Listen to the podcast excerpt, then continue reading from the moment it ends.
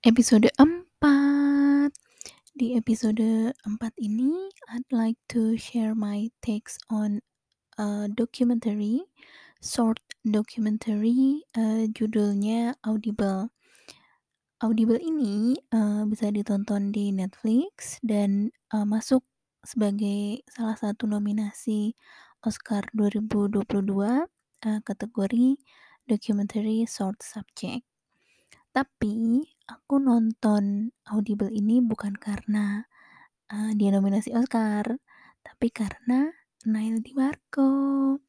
Jadi, uh, aku tahu ada film ini dari Neil, karena aku follow Instagramnya Neil, uh, dan Neil adalah salah satu eksekutif produsernya. Um, tentang Neil dulu ya dikit, jadi aku tanda kutip kenal Neil itu beberapa tahun lalu. Waktu itu, uh, di Facebook ada video vi ya nggak viral ya, ada video yang entah itu dari uh, han uh, apa sih, situs berita atau apa gitu, intinya adalah, uh, Neil punya foundation kan, dan tujuannya adalah memperluas akses American Sign Language gitu. Nah, sebelum itu ilmu tentang deaf, tentang tuli tuli itu tuh aku minim banget. Ya sekarang juga masih minim sih, tapi at least aku nggak kenal gitu loh dengan orang tuli itu gimana sih, culture mereka gimana sih gitu. Nah, uh, karena Neil, aku jadi sedikit demi sedikit uh, tahu gitu ya. Terus uh, concern-concernnya Neil gitu bahwa yang harus diperluas itu adalah akses ASL-nya atau si sign language itu baik untuk orang yang uh, tuli atau untuk orang yang bisa mendengar tapi uh, mau atau harus berkomunikasi dengan orang tuli gitu. Jadi bukan sebaliknya si orang tuli harus belajar uh, bahasa uh, verbal tapi lebih ke orang yang uh, bisa dengar belajar ASL gitu. Terus tentang concernnya Neil juga bahwa uh, karakter tuli di film harusnya diperankan oleh orang tuli juga gitu. Nah, aku juga sedikit lebih paham gitu bahwa tuli yang buat orang kebanyakan itu adalah hal yang gak normal buat keluarga dan komunitasnya Neil itu adalah their uh, normal gitu. Jadi ada orang yang cerita bahwa betapa sedihnya mereka ketika uh, ngelahirin anak di rumah sakit gitu pas bayinya uh, diperiksa dokter uh, suster gitu muka mereka tuh langsung kayak aduh kasihan banget gitu. Terus kayak there's something wrong kayak ada something wrong uh, dengan bayi mereka gitu. Terus pas uh, menyampaikan bahwa uh, all good gitu kecuali uh, anak kamu uh, tuli gitu. Tapi cara ngomongnya tuh kayak itu musibah end of the world buat orang tuanya gitu sedangkan kedua orang tuanya tuli gitu. Dan mereka oke. Okay. justru mungkin kalau bayinya terlahir bisa dengar orang tuanya yang kayak kayak aduh petir di siang bolong kayak mereka pasti bahkan bingung gimana nih cara gedein anaknya? Gimana mereka mesti raise uh, the child yang mereka nggak pahami nah mereka tuh pengen ada di suatu masa di mana uh, tuli tidak dianggap lagi hal yang patut dikasihani, disedihi gitu. At least ketika menyampaikannya ke orang yang tuli juga gitu. Jadi anggap hal aneh gitulah biasa aja gitu. Terus ada juga yang sharing bahwa anggapan semua orang tuli itu pengen mendengar gitu. Jadi ketika uh, kayak tadi ya anak lahir tuli uh, dokternya seolah-olah menghibur gitu dengan bilang tapi nanti kalau udah usia segini bisa kok dioperasi biar bisa dengar gitu. Padahal ya belum tentu itu keinginan dari si anak yang tuli ataupun keluarganya. Kayak keluarganya Nail, dari kakek, nenek, orang tua, sampai dia sekarang 3 bersaudara, semuanya tuli. Dan mereka happy gitu. Nail sukses sekolahnya, eee, kuliah juga deh dia matematika gitu, terus, eee, menang juara 2 American Next Top Model, terus Dancing with the Stars, kebayang nggak? Tuli, nggak bisa denger nggak cuma bisa dansa, tapi menang kompetisi gitu. Kemudian, eee, kembarannya Nail, Nico, eee, DJ gitu. Dan kalau kata Nail, kita tuh sama kok, sama kayak kalian hearing people gitu, bisa semua gitu. Yang nggak kita bisa ya cuma satu, nggak bisa denger. Tapi kan bukan berarti nggak bisa denger, nggak bisa komunikasi, gitu. Nah di komen eh, di dokumenter Audible ini, gambaran soal kehidupan society, community orang tuli tuh lebih lagi gitu. Eee, setting-nya di Maryland School of Deaf, eee, di mana Nail juga sekolahnya dulu di situ. Jadi mungkin ini kayak project alumni gitu kali ya. Terus tokoh utamanya namanya Amari, eee, black people. Kelas terakhir, eee, dari sekolah itu, terus dia anggota tim football, American football. Dia tuli sejak umur 2 tahun. Jadi waktu itu dia panas, mmm, infeksi ya, eee, meningitis diagnosanya, tapi kemudian dia, eee, tuli. Jadi dia jadi satu-satunya keluarga satu-satunya orang tuli di keluarganya.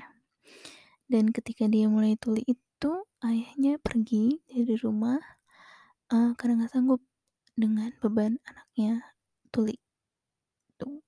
Jadi dia, eee, dibesarkan deng oleh ibunya aja. Kalau dipikir-pikir setelah, eee, ini aku 2 hari sejak nonton Audible ini jalan cerita film itu kayak nggak ada, hampir nggak ada. Jadi durasinya 39 menit, itu termasuk intro sama credit title. Ceritanya tuh cuma sesimpel, eee, Amari latihan untuk pertandingan akhir tahun gitu. Mereka harus fokus, terus bahwa kalau di lapangan mereka kode-kodean gitu. Terus, eee, bagaimana mereka nggak bisa dengar sorakan penonton. Terus ada juga tokoh lain, eee, cheerleader gitu yang yang nyaris nggak ada konflik sih di film ini.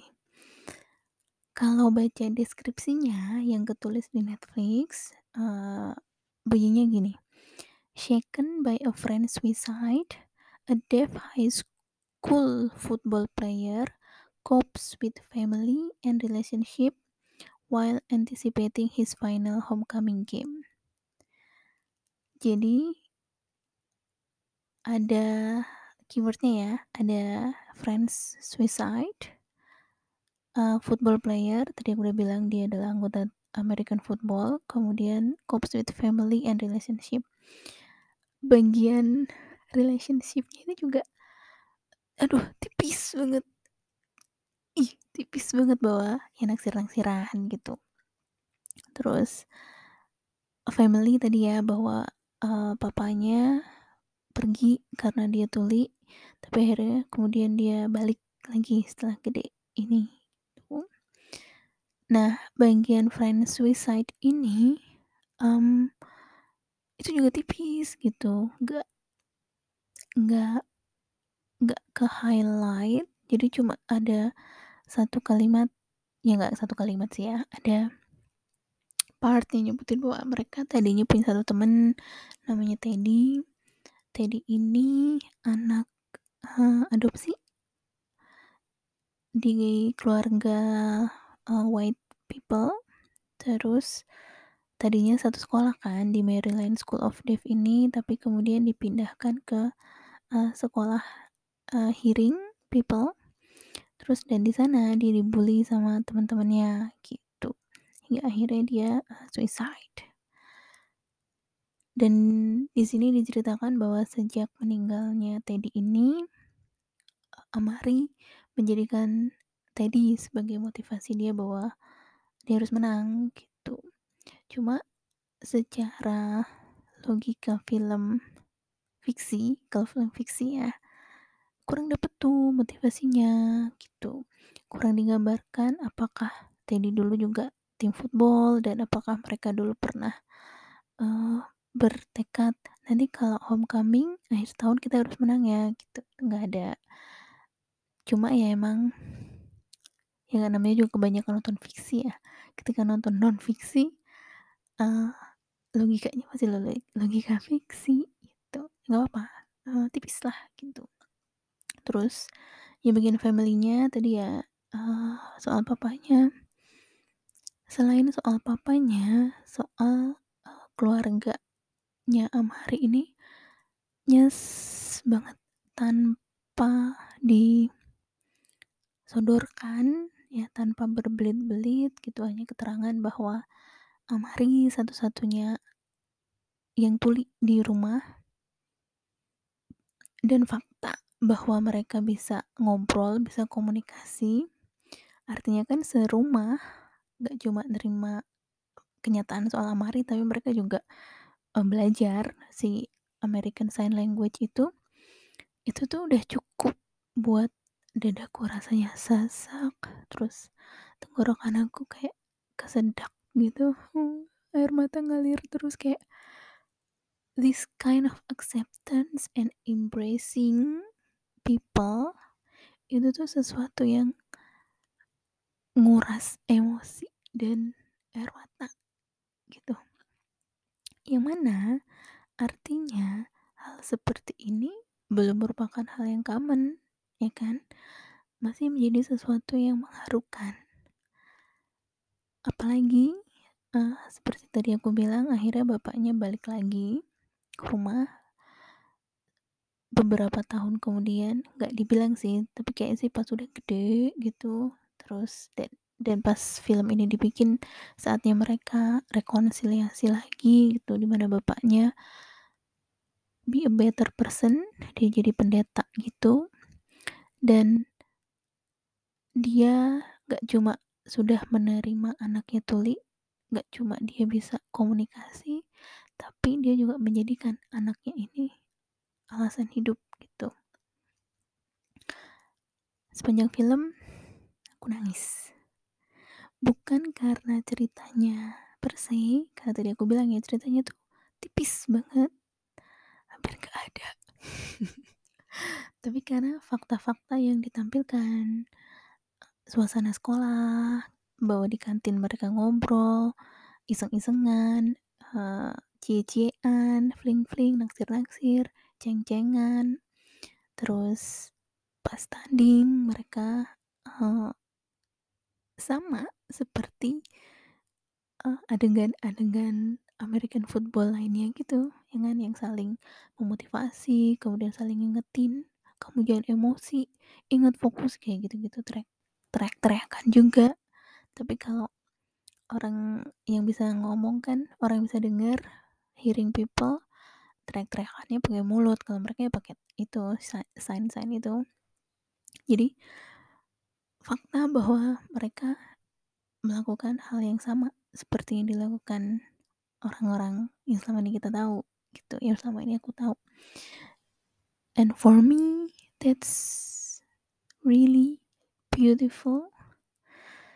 Dan itu tadi menyesakkan dada, mengharukan, bener-bener eye opener buat aku.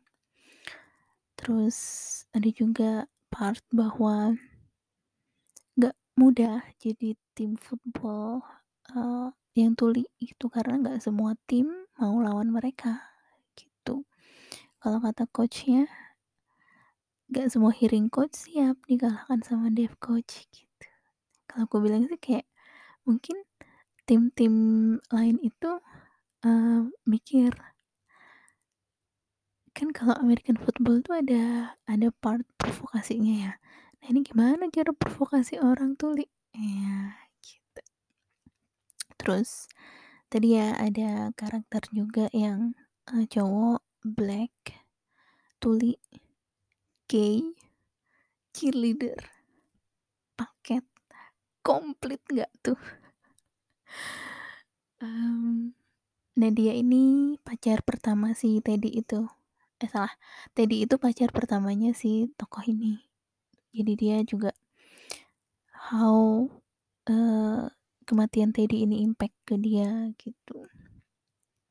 Terus kalau fakta ada cheerleading di deaf community aku sih nggak gitu heran ya karena ya Niall aja bisa ke Dancing with the Stars, kemudian Nico DJ gitu. Jadi ya, mmm, nggak perlu mempertanyakan gimana caranya dia bisa cheerleads gitu. Jadi kalau dari Nico, Nico bilang itu mereka tuh bisa merasakan dentuman gitu loh. Jadi bukan bukan denger tapi ngerasain dentumannya duk duk duk gitu. Eee, itu cara Nico nge-DJ gitu, kemudian dia baca liriknya, oh lagu ini tentang ini gitu. Terus atau kayak si Amari, Amari juga dia suka pakai alat bantu dengar, eee, implan cochlear itu, tapi bukan untuk ngedenger orang, tapi untuk dengerin musik. Itu pun dia cuma bisa denger dentuman, liriknya dia nggak sampai bisa denger, eee, itu hanya untuk bantu dia fokus gitu. Kalau dia lagi latihan dia suka dengerin itu. Di cheerleading ini juga mereka kan pakai, mmm, yang drum band itu apa sih namanya? Drum ya. Jadi pakai itu dentumannya dung dung gitu. Hal nyes berikutnya adalah soal keresahan mereka bahwa ini udah tahun terakhir, mereka bentar lagi lulus sekolah. Apakah mereka siap menghadapi dunia di luar sana? Ibaratnya kan selama ini mereka di dunia yang aman dan nyaman gitu ya. Di rumah, di sekolah semuanya udah saling paham, circle-nya pun juga circle yang nyaman, eee, ada adegan mereka party, itu juga party yang semuanya comfortable ya kan ya. Nah, setelah lulus gimana gitu? Kan mungkin mereka akan kuliah, kerja, gitu dunia yang mereka tahu beda gitu. Kalau kata bapaknya Amari yang sangat berusaha memahami anaknya dan dunianya, jadi dia bilang, "Whatever differences he feels in my world, I'm willing to feel the same differences in his world." Apa pun perbedaan yang dia rasakan di duniaku, aku juga akan aku mau untuk merasakan perbedaan yang sama itu di dunia dia. Dan itu yang kurasakan sepanjang film ini. A new world that I never really know before. Dunia baru yang ditampilkan dengan sehalus itu tanpa adanya dramatisasi of being deaf. Dan ini berhasil nguras emosi dan air mata. Nah, Bu Risma, baiknya nonton film ini Bu, biar Ibu tahu bahwa ada tuh, eee, tuntutan adegan orang tuli biar siap hidup itu harus belajar ngomong. Eh. Oh ya, BTW kalau di bahasa Inggris istilah yang dipakai itu kan jelas ya, deaf people sama hearing people. Nggak ada lagi istilah normal gitu, bukan deaf people and normal people gitu. Kayak proses kelahiran kan sekarang udah nggak disebut lagi normal atau sesar, tapi spontan atau sesar. Karena kan kita menghindari menyebut bahwa yang besar itu nggak normal atau abnormal. Begitu juga dengan deaf, uh, lawannya hearing, bukan normal. Jadi lawannya tuli ya bisa mendengar. Terus secara general pun sekarang yang dipakai mulai dipakai itu difabel, bukan disable. Jadi lebih ke different ability, bukan disable atau ketidakbisaan. Terus, udah pada tahu belum bahwa istilah yang tepat itu adalah teman tuli, bukan tunarungu. Jadi kalau tunarungu itu hanya menerangkan bahwa orang ini tidak bisa mendengar. Titik. Tapi kalau tuli itu adalah tidak bisa mendengar dan mereka belajar untuk bisa berkomunikasi. Jadi satu paket tuh gitu. Nah, pertanyaan aku, ini aku belum tahu juga kalau bahasa Indonesia istilah yang dipakai apa dong? Tuli dan orang yang bisa mendengar kepanjangan ya. Pendengar kayak curhat ya. Um, kuis ya, uh, yang bisa menemukan lawan kata atau istilah lawannya tuli nanti dapat hadiah thank you guys for listening. Uh, see you in the next episode. Bye bye